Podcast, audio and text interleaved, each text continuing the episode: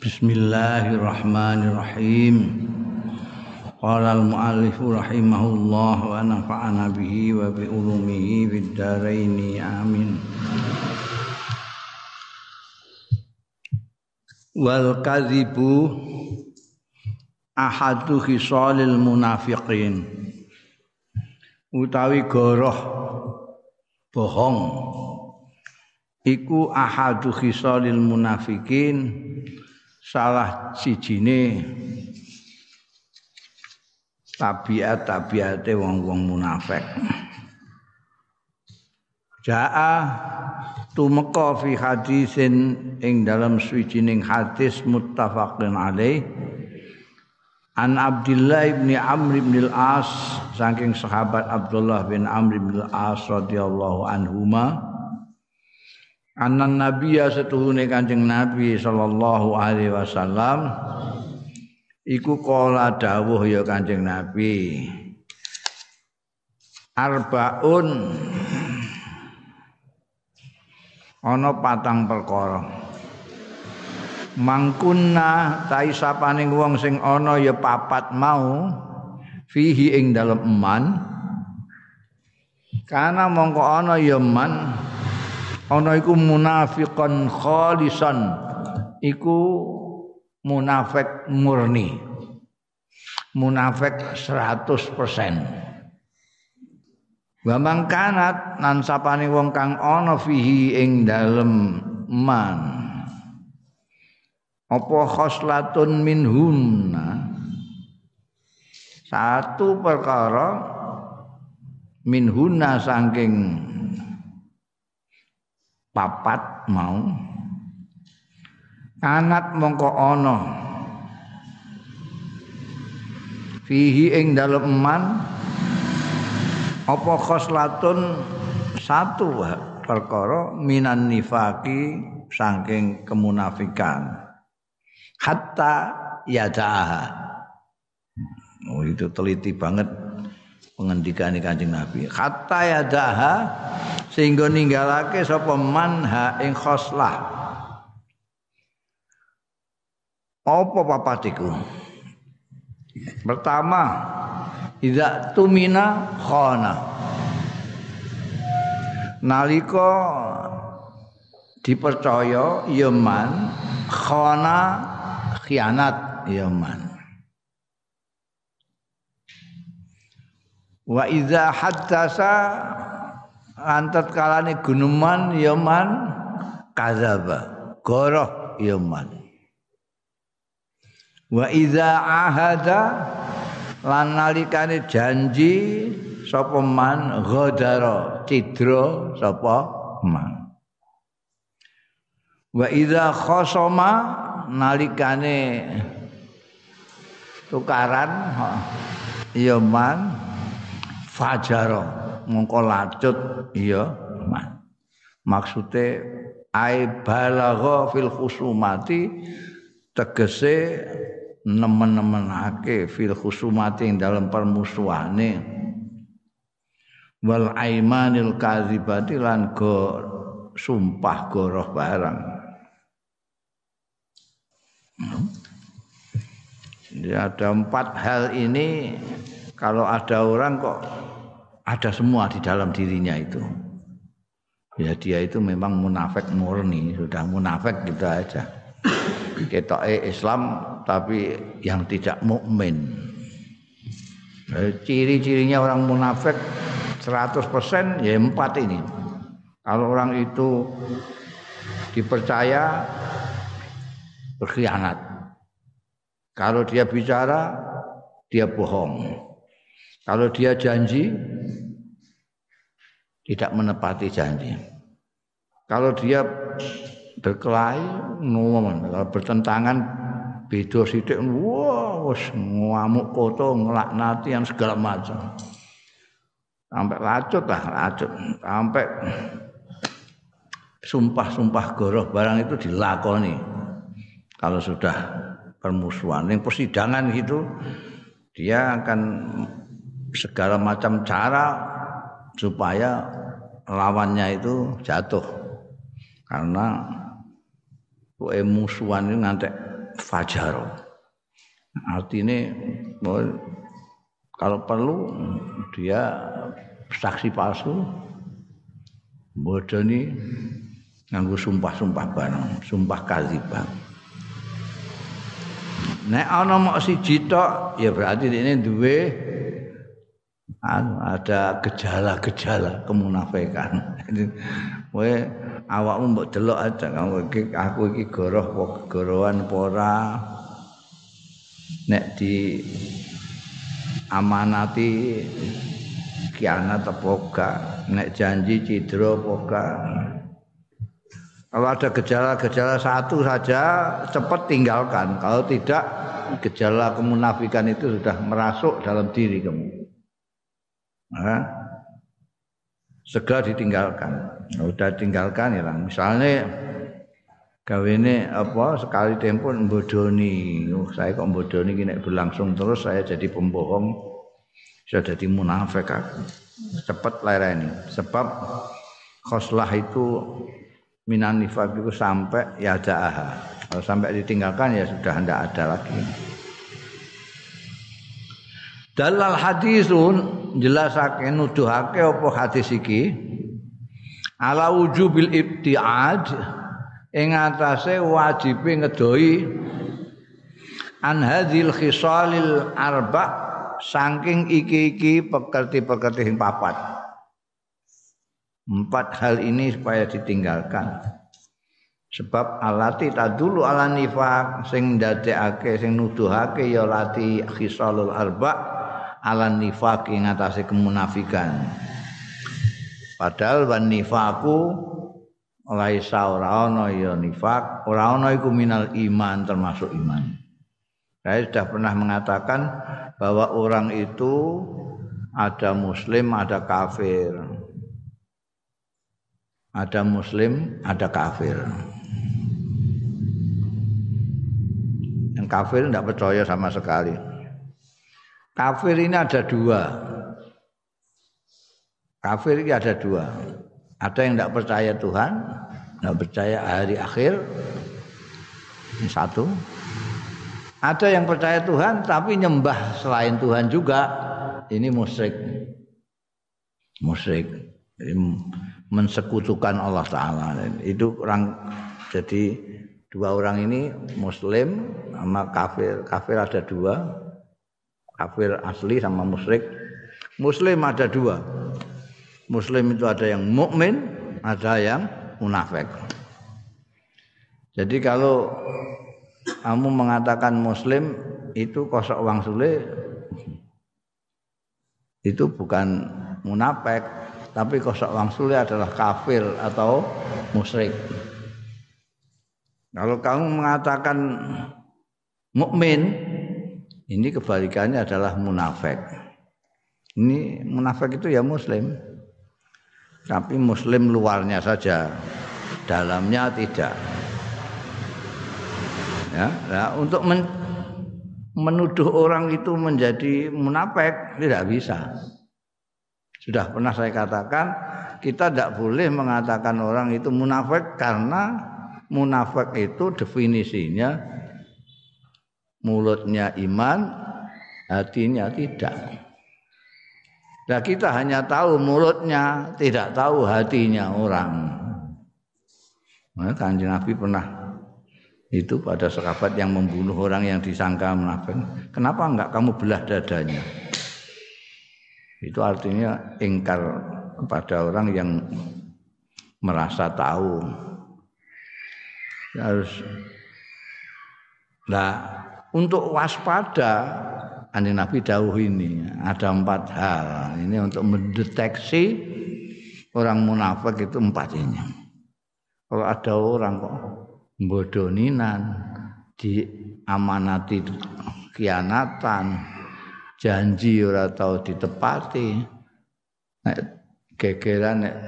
ada perbedaan pendapat dengan orang ngototin ngomen ngatean sumpah palsu segala macam. Ini tanda-tanda munafik sempurna ini. Munafik paripurna. Ini untuk mewaspadai. Tapi kalau ada orang begini lalu kamu sebut munafik juga nggak benar juga. Ini mau tondo-tondonya saja kok. Maksudnya ada tandanya penjara itu pintunya sete ireng ada jeruji-jerujinya dan tertutup terus. Nah, itu ciri-cirinya penjara. Tapi kalau ada rumah begitu ya jangan terus langsung kamu bilang wah penjara ini. Mungkin ada orang yang kepingin rumahnya bentuknya kayak penjara bisa. Eh, dicat ireng eh, ada jeru-jeru-jerujinya. Jadi dauh ini memang untuk diri kita sendiri jaga-jaga kalau ada gejala-gejala itu dan untuk mewaspadai. Mewaspadai. Mereka orang munafik itu tidak termasuk mukmin, tidak orang iman. Jadi dan sejarah membuktikan bahwa kemunafikan ini betul-betul merusak. Merusak. Kenapa? Karena dia di dalam. Nek kafir di, di sana. Makanya nek ini kamu baca Quran awal Quran Alif Lam Mim dari kita pula itu untuk orang mukmin alladzina yu'minuna billahi apa wal yaumil akhir iku sing akhire muflihun uh, wa yu'minuna bima unzila ilaika ma unzila min qablika bil akhirati hum itu orang mukmin. Nanti orang yang kafir itu cuma sedikit juga ayatnya. Yang paling banyak ayatnya itu adalah orang-orang yang munafik yang ketiga ini. Itu ayatnya pirang-pirang karena perlu diwaspadai gara-gara orang munafik ini terjadi perpecahan yang luar biasa di intern orang-orang Islam. Ilangi Abdullah bin Ubay bin Salul ada bin Sabak belakangan nanti. Ini yang sampai sekabat Utsman terbunuh, sekabat Ali terbunuh, terus terus menerus itu. Aidina Husain terbunuh. Ini gara-gara ada munafik di situ munafik. Di sini dia ngaku Islam, di sini dia ngaku Islam tapi ngerasani kono. Ning kono dan wong Islam tapi ngerasani kono. Yang kemarin disebut-sebut Dulwajhen. Dulwajhen ini merusak betul. Apalagi yang sudah menjadi ideologi. Di kemunafikan yang sudah menjadi ideologi untuk konspirasi untuk mengadu domba itu wah itu lebih berat lagi. Sejarah penuh dengan darah-darah akibat kelakuan ini. Makanya perlu ada apa tanda-tanda lah supaya kita waspada. Tidak untuk menuduh tapi untuk mewaspadai. Wal kadzibu taigara iku yasmalu mencakup ya kadzib kullal akhbar ing semua berita-berita al khassah al khassah sing khusus awil amma tau sing umum berita itu berita tertentu khusus atau berita umum asal bohong masuk. Mencakup semua berita yang khusus maupun yang umum. Asahsiati sing basa pribadi au al muta'alliqati kullal ahbaril khassa wal amma wasahsiyata yang ber sifat pribadi awil muta'alliqata utawa sing berhubungan bil akharina kelawan wong-wong liya. Rawa riwayatake sapa Al Bukhari Imam Bukhari an Ibnu Abbasin sang sahabat Abdullah bin Abbas radhiyallahu anhuma Anin Nabi saking Kanjeng Nabi sallallahu alaihi wasallam qol ngendika sapa Kanjeng Nabi? Man tahallama bi khulmin. Sapaning wong sing ngaku-ngaku ngipi. Bi khulmin kelawan suatu impian lam yarahu kang ora ningali sapa manhu ing khulm. Kulifa mongko diperdi-perdi iya man dikongkon dibebani ayak kita baina syairatain yen to gabungake Yoman baina syairatain antarane dua butir gandum. Wis mustahil lah. Dua butir gandum mbok kon gabungno anu guys. Walan yaf'al lan ora bakal iso nindakake yoman. Wa manis tama'alan sapaning wong sing ngrungokno ya man ila hadisi kaumin maring omongane kaum wa hum khali utai kaum lahu marang man iku karihun ora seneng. Subba. Mongko disokno fi udunai ana ing kuping lorone man. Manis tamaa apa al anuk apa timah cair? Timah cair. Timah itu nek mbok godhok nanti dia mencair iku sing dilebokno ning kuping. Yaumal kiamat ana dina kiamat. Waman sawara suratan sapaning wong sing membentuk ya suratan ing satu bentuk. We gawe patung sapi misalnya. Udziba. Mongko disiksa ya man wa kullifa lan diperdi perdi ya man. Ayam fukha fiha ruh ing yen to nyebulake ya man. Fiha ing dalam surah ar-ruha ing nyawa. Walaisa binafihin lan ora ana sapa man iku binafihin kok iso nyebul. Iso ya jadi mantahalama itu juga goro kowe ora ngimpi terus ngaku-ngaku ngimpi. Nah, untuk kepentingan apalah? Kamu itu masa eh? Aku dek bengi kok ngipi ketemu awakmu aku eh? aku terus mbok goncekno sepeda eh kanggo merayu terus ndekne ngipi kondo-kondo ngono oh iku bahaya kowe ora ngipi terus ngaku ngipi iku engko kowe ning gone dina kiamat dikongkon nggatan Yakri itu kan bundelno syairatain. Dan ini tidak bisa. Artinya apa? Ya selama kau nggak bisa disiksa terus. Dan itu layap al, orang bakal bisa, mustahil. Satu ini yang diperingatkan Kanjeng Rasul sallallahu alaihi wasallam ngaku-ngaku karena itu goro. Ngaku-ngaku ngipi padahal ngipi. wong ngipi ketemu Sunan Kalijogo.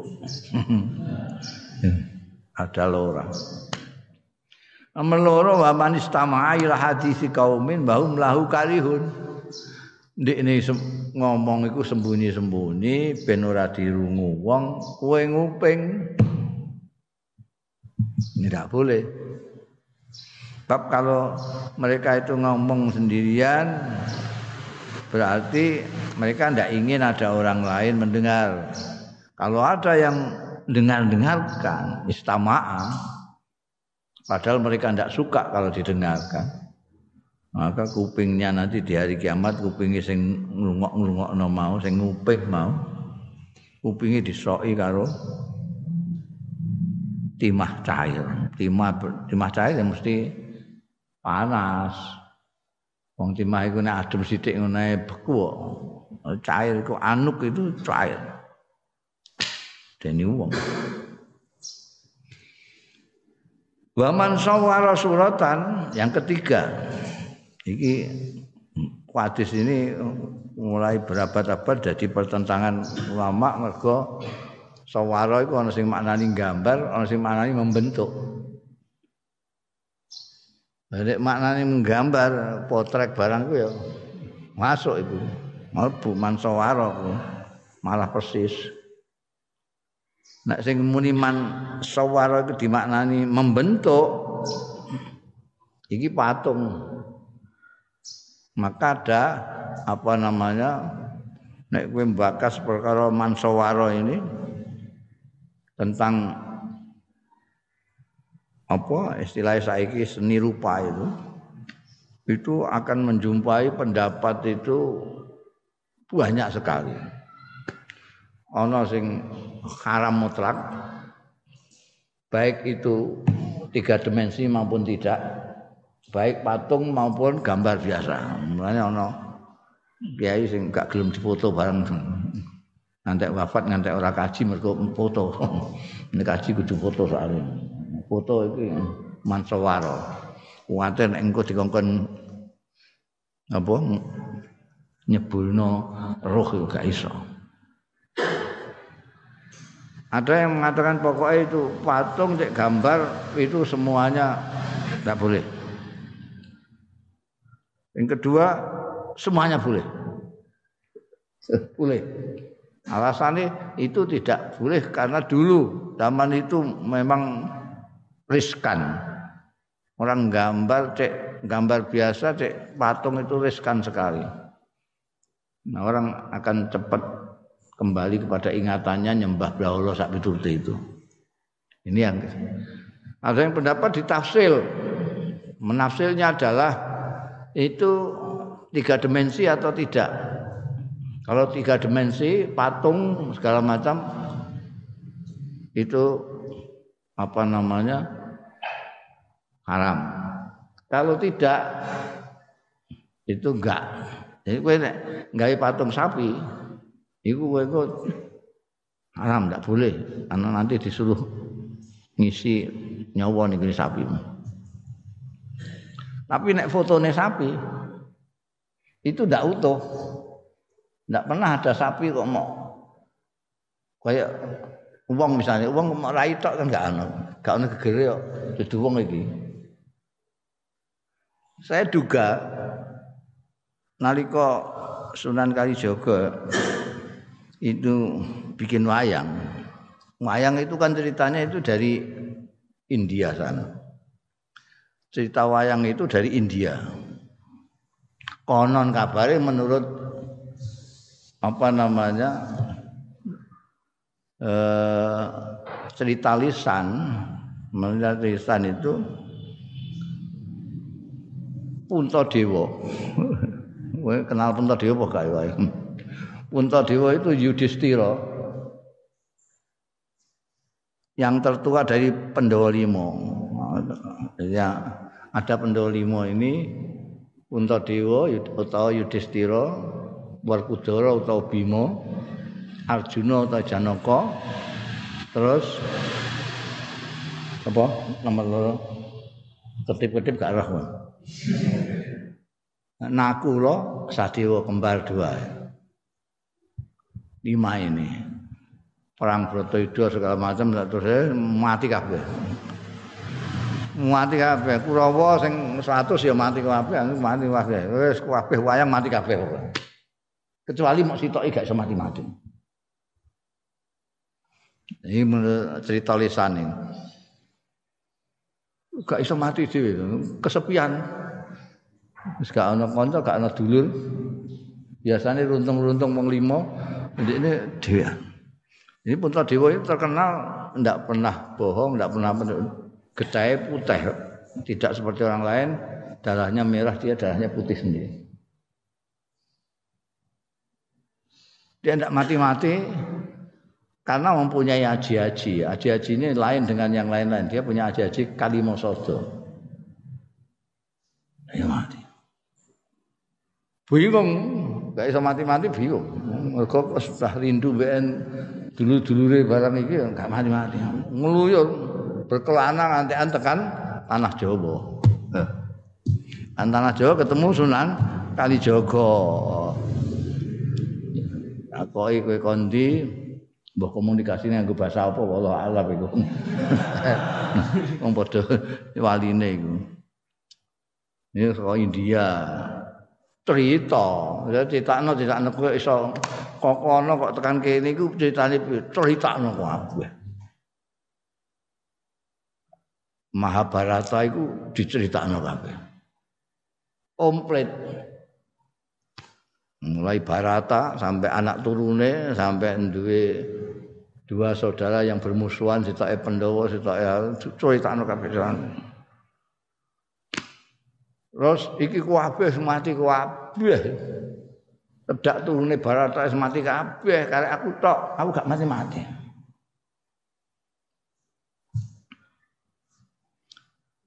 Nah, wong Sunan Kalijaga wali. Kowe iki mesti duwe aji-aji. Iya banyak aku duwe aji-aji. Endi saya didosok ning kuluke. Mulai gambarane kuluke ngene nggone Puntadewa. Cek ndelok iki aji kalimah sada jare.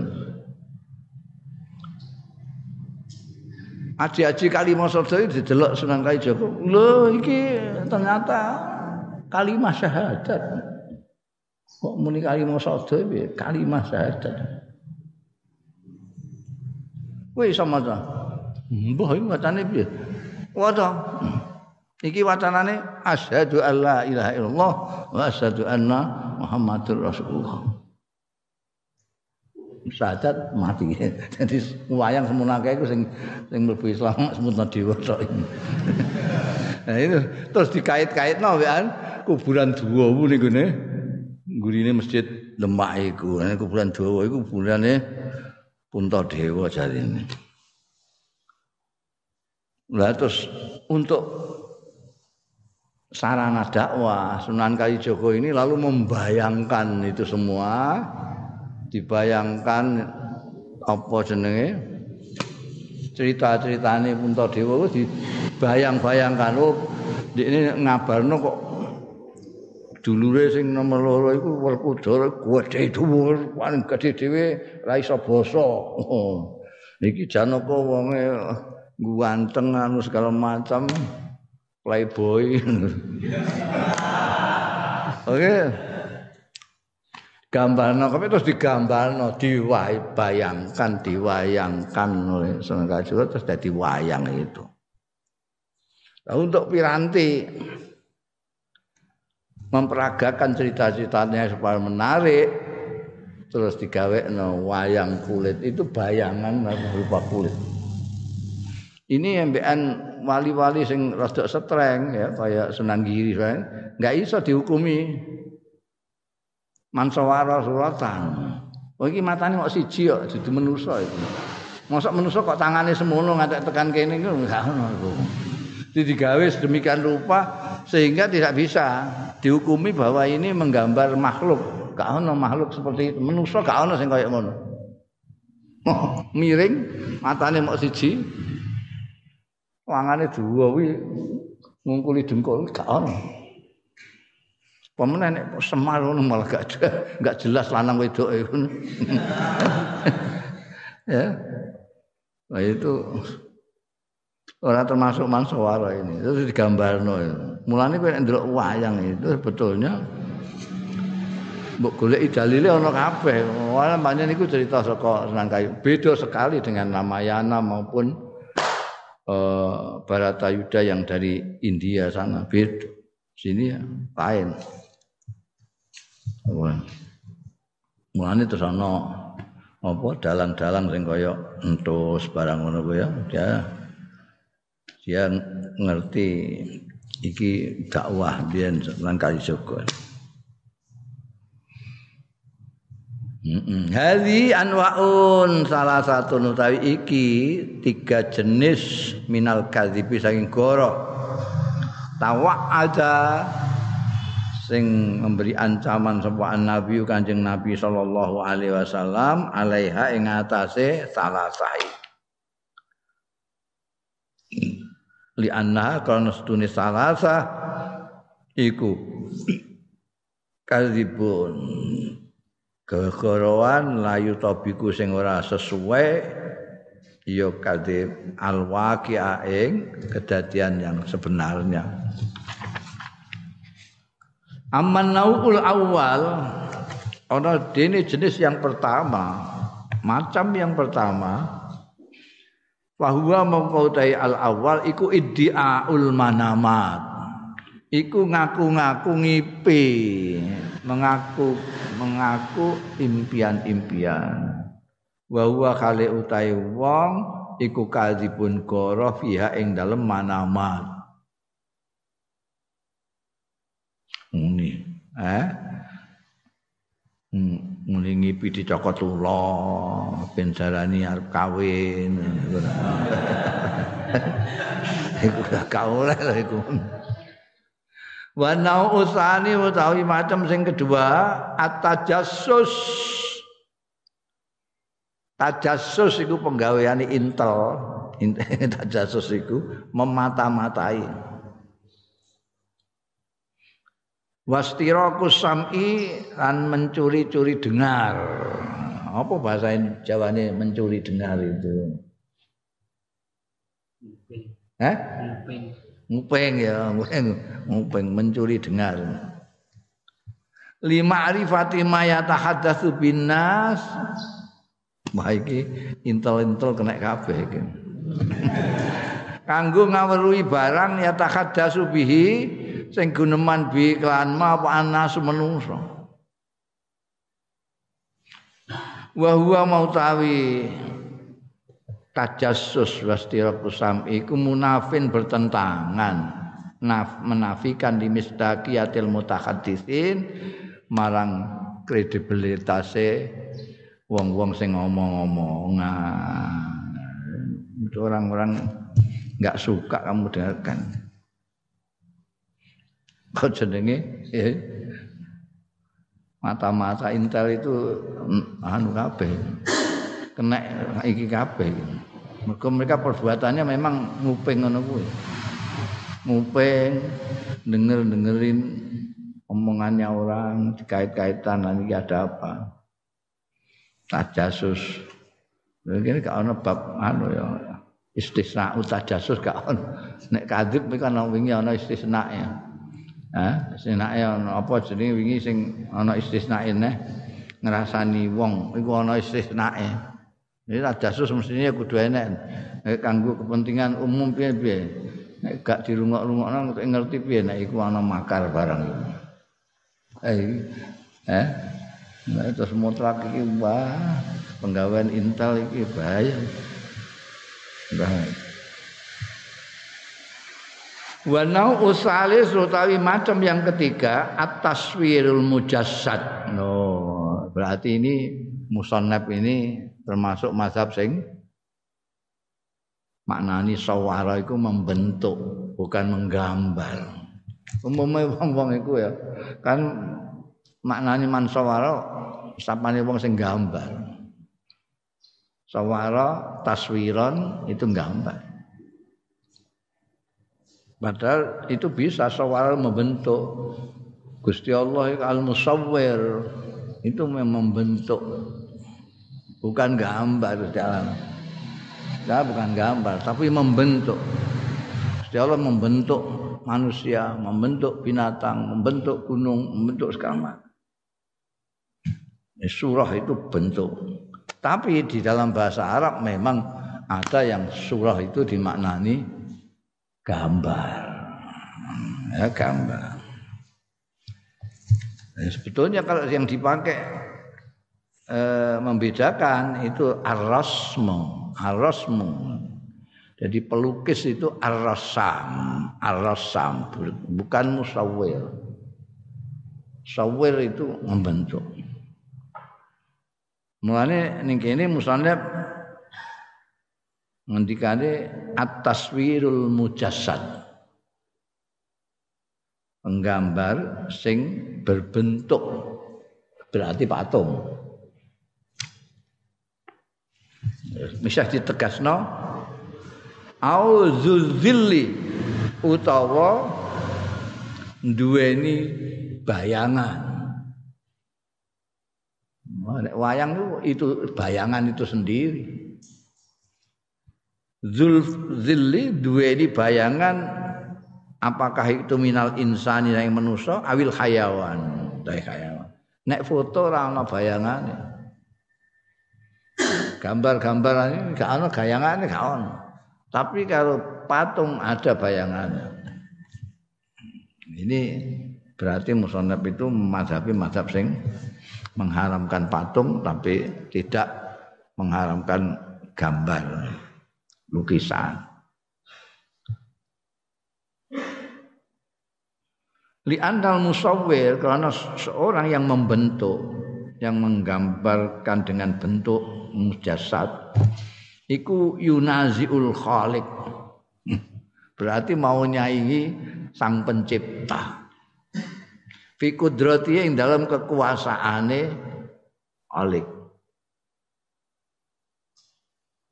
wa yagribu ala Allah taala lan goroh ala Allah ing atase Gusti Allah taala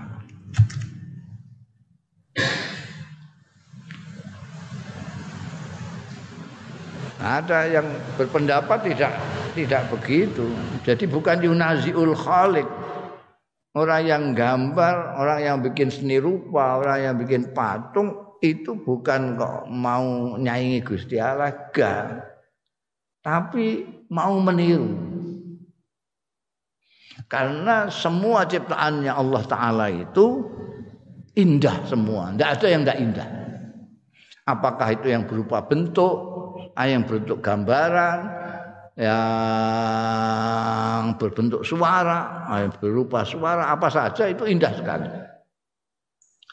Maka manusia itu sebagai khalifahnya Allah di muka bumi diberi kekuatan pikiran dan apa namanya batin dia bisa apa namanya menyerap keindahan-keindahan di dalam alam semesta ini. Melihat lautan sambil mendengarkan debur ombak yang menghantam tebing itu terus sambil ngamati ada pohon-pohon cemara. Di atasnya ada burung-burung berkicau. Ya dengarkan semua itu. Angin berembus terus dia serap keindahan-keindahan itu lalu menjadi seni suara, musik segala macam itu. Berasal dari sana. Inspirasi mereka mendapatkan seni musik, seni suara itu dari suara-suara alam yang indah itu. Ada yang memandang pemandangan itu dari kacamatanya, memandang kacamatanya itu indah sekali. Ada gunung yang menghijau, puncaknya itu berciuman dengan langit. Tapi wah, laut dengan langit, wah, digaris oleh horizon, indah sekali terus dilukis. Jadi seni lukis. Terus nyawang pola tingkai wong segala macam itu lalu ditiru. Dan kayak sandiwara drama. Jadi ciptaan-ciptaan kesenian itu sebetulnya itu meniru bukan menyaingi Gusti Allah tapi meniru maunya meniru. Karena itu kalau ada seni katanya seni gambar tapi tidak meniru alam semesta ciptaannya Allah tapi meniru orang lain itu namanya bukan seni bukan ciptaan itu. Itu ngeblat. Jadi kowe ndelok gambare apa jenenge? Ndelok gambare Zaini apa Afandi kok apik terus mbok tiru itu ya gak ana lukisan. Lukisane Afandi payu miliatan lukisanmu mbok sewu gak cuma. Kenapa? Karena ini bukan ciptaan. Dari yang ciptaan yang pertama. Kowe nggawe puisi niru puisine wong ya ora ndak pernah jadi puisi, tidak dirgani orang. Puisi yang akan jadi puisi adalah puisi yang memang keluar dari pikiranmu, dari hatimu sendiri. Gak niru kono niru kene. Maca Khairul Anwar terus niru Khairul Anwar. Maca Rendra niru Rendra. Nah, ya ya kamu nggak pernah jadi nyak ya. Nah, itu. Kalau tekan mau piye? Iya taswir itu, taswir mujasad. Itu orang-orang anu itu orang barat itu Perancis, Italia itu gawe watung itu indah-indah itu.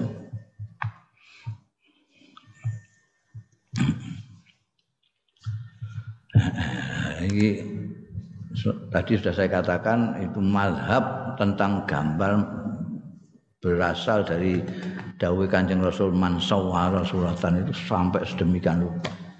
Itu bayangkan kanjeng Nabi Muhammad Sallallahu Alaihi Wasallam hanya beberapa baris itu pengaruhnya sampai luar biasa. Perdebatan dari abad ke abad. Nanti saiki saya ono baca, saya ono sing berdebat tentang mansawara suratan itu. Bayangkan itu sudah 15 abad lebih. Satu pihak karena memang itu debatable, pihak yang lain karena kayak wong bodoh melok-melok geneman. Sebetulnya laula sakatal jahil hilang semua itu persoalan-persoalan itu menjadi gaduh karena ada orang bodoh melok-melok geneman.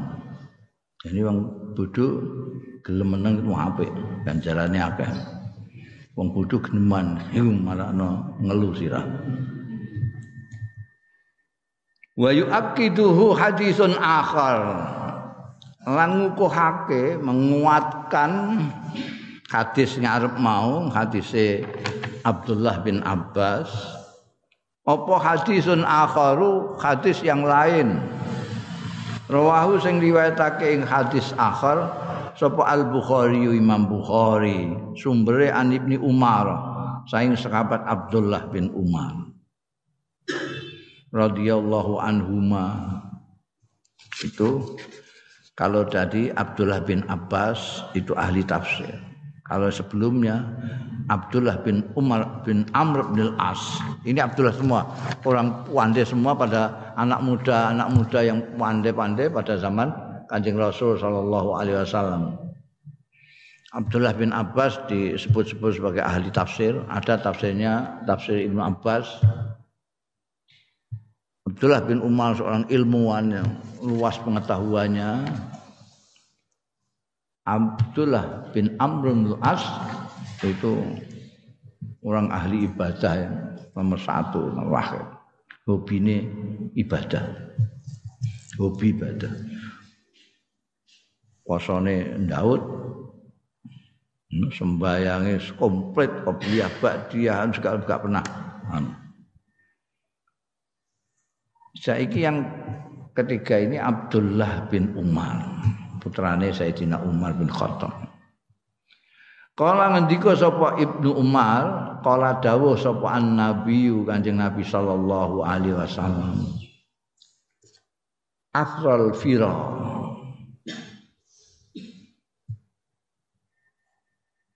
Luweh gawe-gawe ini kebohongan. Gawe-gawe itu Firyah itu buhtan itu gawe-gawe. Orang ini muni ngene, ora anu ngono kaya paling mau padha karo orang ngipi muni ngipi itu gawe-gawe. Luweh gawe-gawe ini gawe-gawe. Lho bahasa Indonesia ini apa? Ono gawe gawe gawe ini gawe-gawe. Apa bahasa Indonesia ini? Ketop-ketop berarti ra iso. Hmm. Eh, bikin-bikin. Kok bikin-bikin? Bikin-bikin yang paling bikin. ah. ya apa namanya? Kebohongan lah, kebohongan bikin eh, bikin buat-buat. itu sama dengan kebohongan tapi istilahnya nek di Jawa kan ono gawe-gawe. Gawe-gawe. Nek bodoni kowe kaya ngomong ora ana apa-apa kowe meni ngomong ana apa-apa. Itu goro. Hmm. Iku nek gawe-gawe iki ora ana apa-apa kowe terus ngaku-ngaku ana apa-apa. Hmm. iku firya utawa bosan.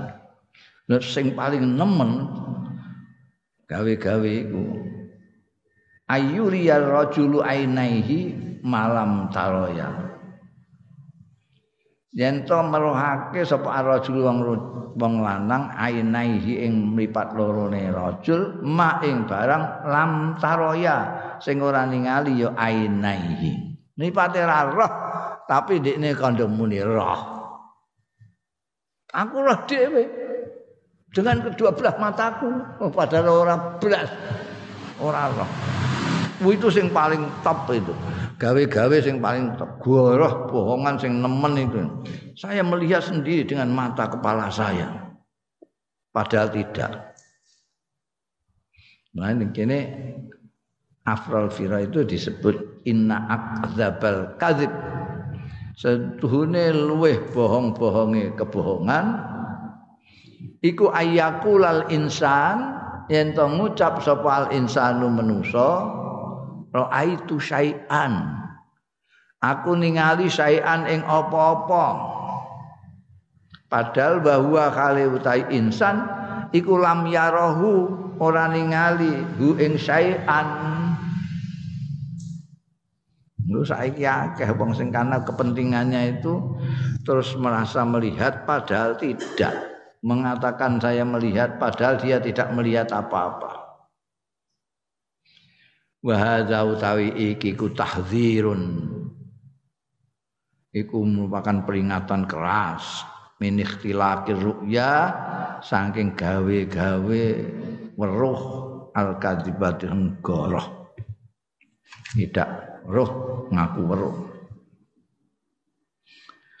Warawal Bukhari lan riwayatake sapa Imam Bukhari rahimahullah an Samurah bin Jundab radhiyallahu anhu fi hadisin tawil ing dalam hadis sing dawi.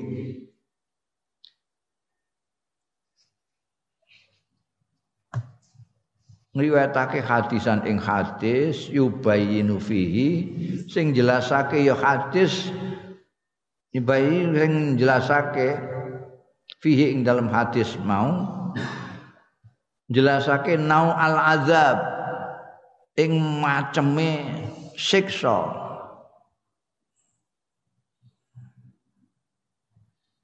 allazi yata'arradu lahu allazi yata'arradu lahul kadhibun sing ngeneki lahu marang ladzi sing terkenai lahu marang ladzi sapa al kadzibuna wong-wong sing goroh-goroh yaumul kiamat ana dina kiamat. Jadi hadis panjang ini di antaranya menyebutkan macamnya siksaan yang akan menimpa orang-orang pembohong nanti pada hari kiamat.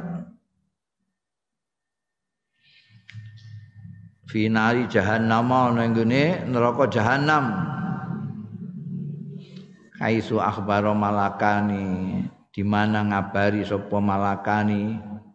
Malaikat loro an nabiya ing kanjeng nabi sallallahu alaihi wasallam anil kadzib malaikat loro ini malaikat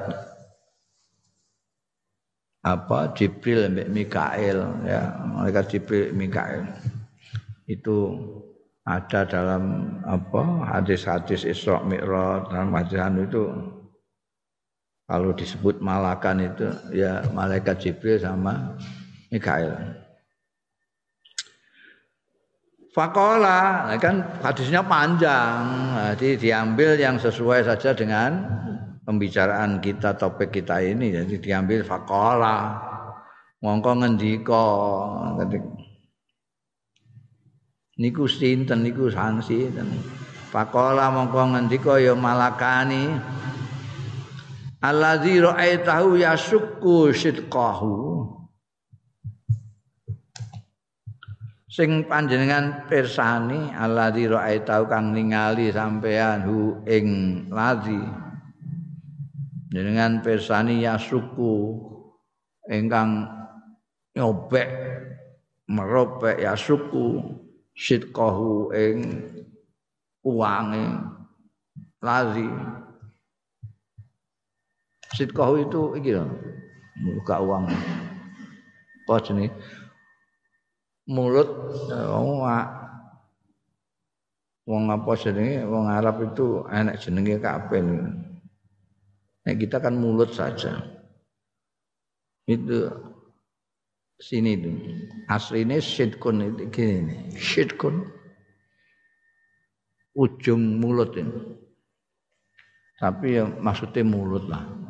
Tapi mulut nek membok suwek kan ya ora kok kene rono ngono gak yo kene diparakno jadi ini disuwek. Ya syukku sidqau kanjeng nabi kok mirsani ana wong kok kenekane disuwek dhewe.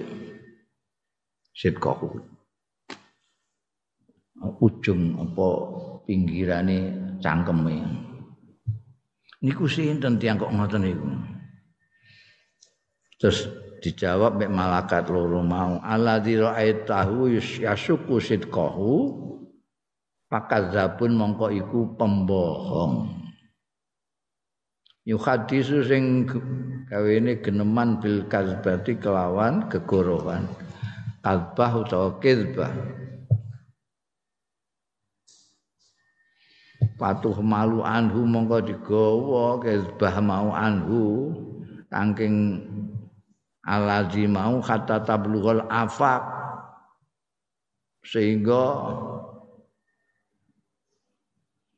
mencapai ya kegoroane mau al afak eh ufuk ufuk. Payusna mongko digawe bihi. Sebab kegoroane lazi mau ila yaumil kiamati tumekaning dina kiamat. Jadi wene ane ku dicowak di ruwatek ngono terus ngantek dina kiamat. Dene wong. Wa fihi tarhibun minal kadzib. Wa fi kuwi dalam hadis iki tarhibun utawi meden-medeni minal kadzib saking goroh ben ora mbok lakoni wa bayanu azabi syadid. Lan nerangake siksane goroh. Asadi di sing banget wa huwa. Utawi hadis iki iku dalilun wadihun. Merupakan petunjuk sing nyata sing jelas. Ala annal azaba. Ing atase setuhune siksa. Finari ing dalem neraka iku hakun hak al jannatu hak wan naru hak waqiun tur terjadi la raiba fihi. Ora ana keraguan iku maujud fihi ing dalem. Anake azab hakun ning gone. Wa kullu dzalika isyaratun. Utai sekabehane mau hadis-hadis yang disebutkan tadi itu semua iku isyaratun isyarat ila kubkhil kadibi. Maring eleke goroh eleke bohong. Wa annallaha lan sak temene Gusti Allah taala yulinul kadibin nglaknati sapa Allah al kadibina wong-wong sing padha goro wa yuaqibuhum lan ngukum sapa Allah taala ing kadibin iqaban sadidan kelawan hukuman sing dahsyat. Finari jahannama ing dalam neraka jahanam naudzubillah. Mimma yujibu sidq mimma sanging barang yujibu kang majibake ya ma asid kok ing temen. Wajtinabal kadhib lan ngedoi goroh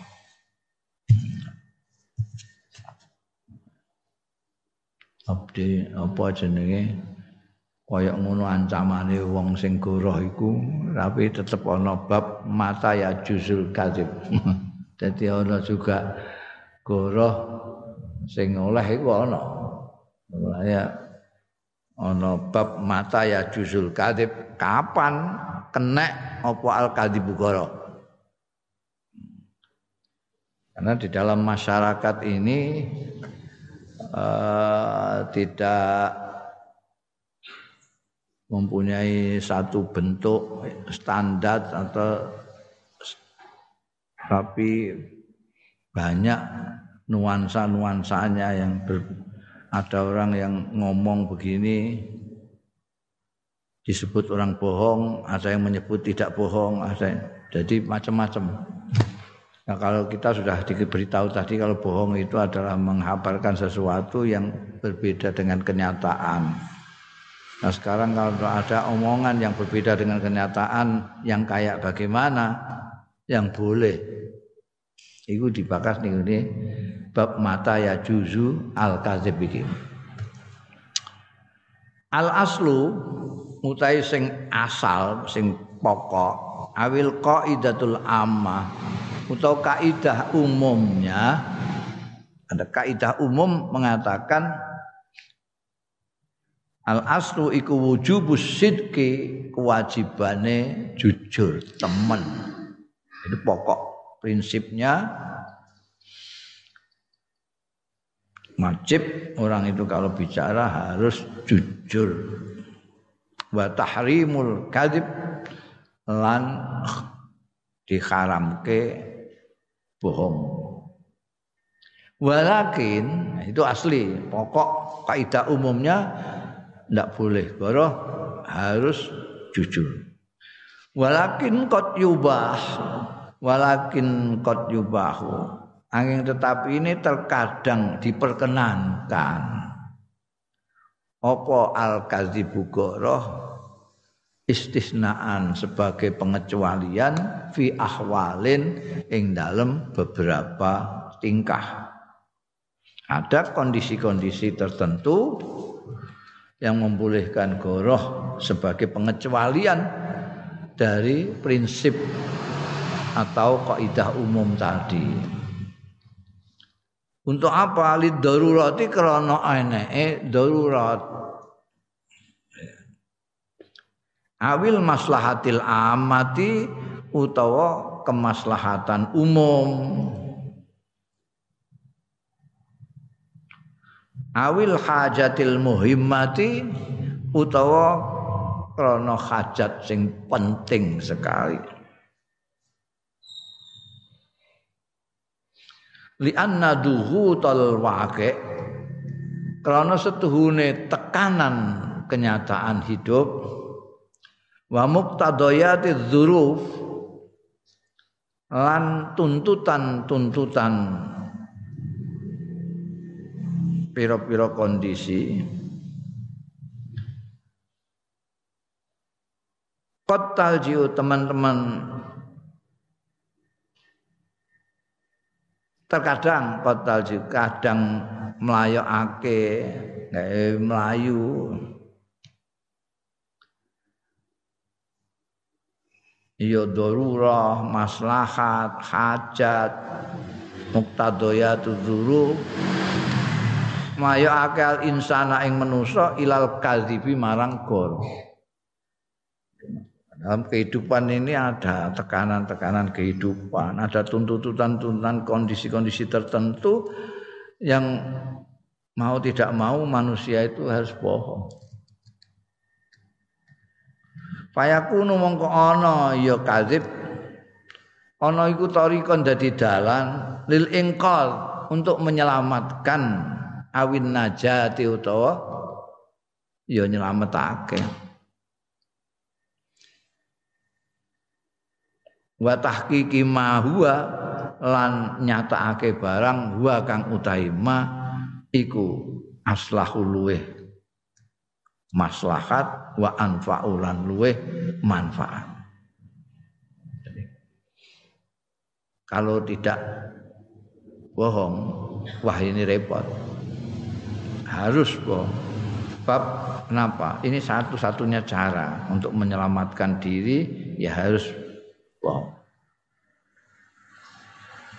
Kalau saya tidak bohong saya tidak akan mendapatkan sesuatu yang lebih manfaat maka bohong. Ini bohong yang dikecualikan. Ada beberapa kondisi. Tidak semua kondisi. Wadhabitul ahwal al istinaiyah utai pelanggarane kondisi-kondisi pengecualian lil halatil lati lam yamtani fil kad kanggo keadaan-keadaan alati layam tani layam tanah ufiha kang ora dicegah fiha ing dalam lati halat apa al kadzibu goro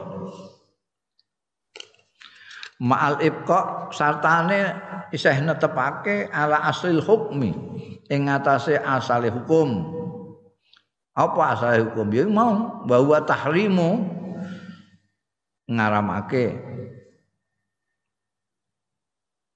Nah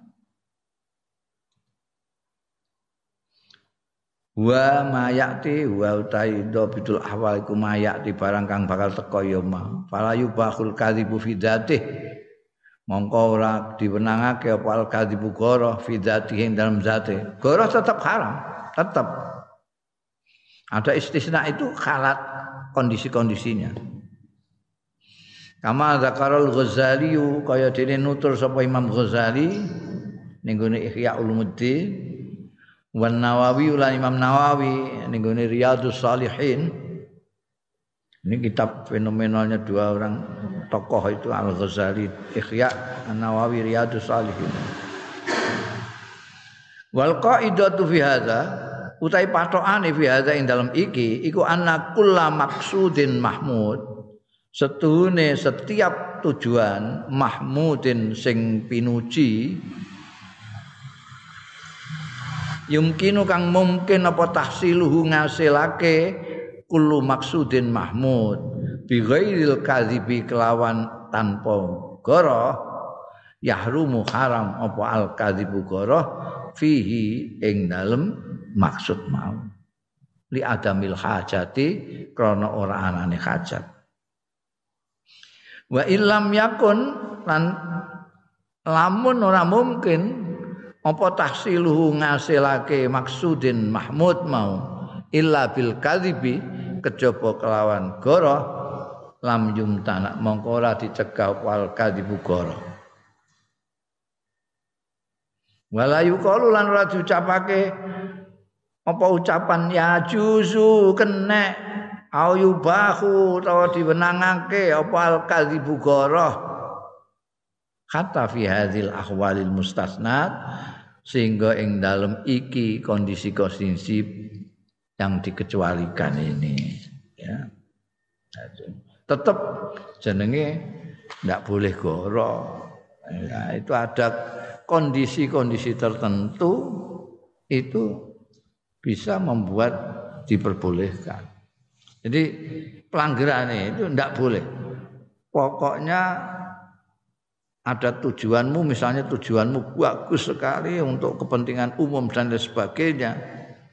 Itu kalau masih bisa kamu peroleh dengan cara tidak bohong kamu haram berbohong.